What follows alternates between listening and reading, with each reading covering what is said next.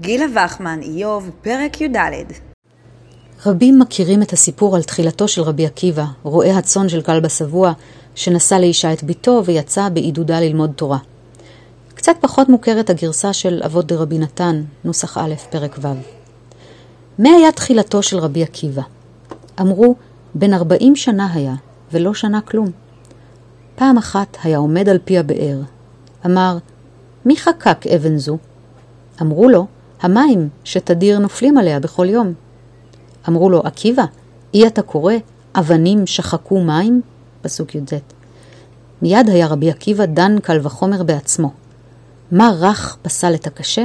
דברי תורה, שקשים כברזל, על אחת כמה וכמה שיחקקו את ליבי, שהוא בשר ודם.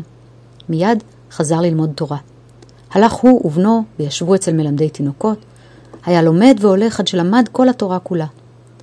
הלך וישב לו לפני רבי אליעזר ולפני רבי יהושע.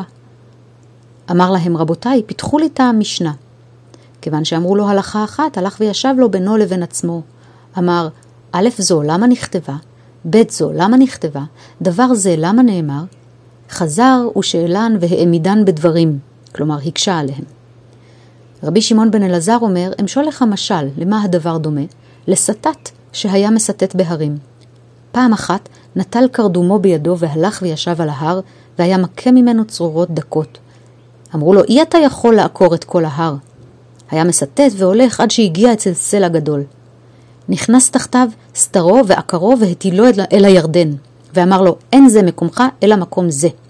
כך עשה להם רבי עקיבא לרבי אליעזר ולרבי יהושע. האבנים והמים משחקים תפקיד כפול בסיפור זה.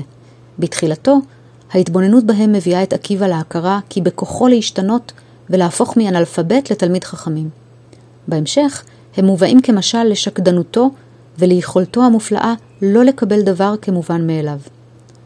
עוקר הרים הוא אמנם כינוי תלמודי לבעל חריפות שכלית יוצאת דופן, אך נראה כי את השראה למשל סיפקו הפסוקים עצמם, שהרי בסמיכות לפסוק אבנים שחקו מים, שהובא לאל, מצוי הפסוק הבא: ואולם הר נופל ייבול, וצור יעתק ממקומו.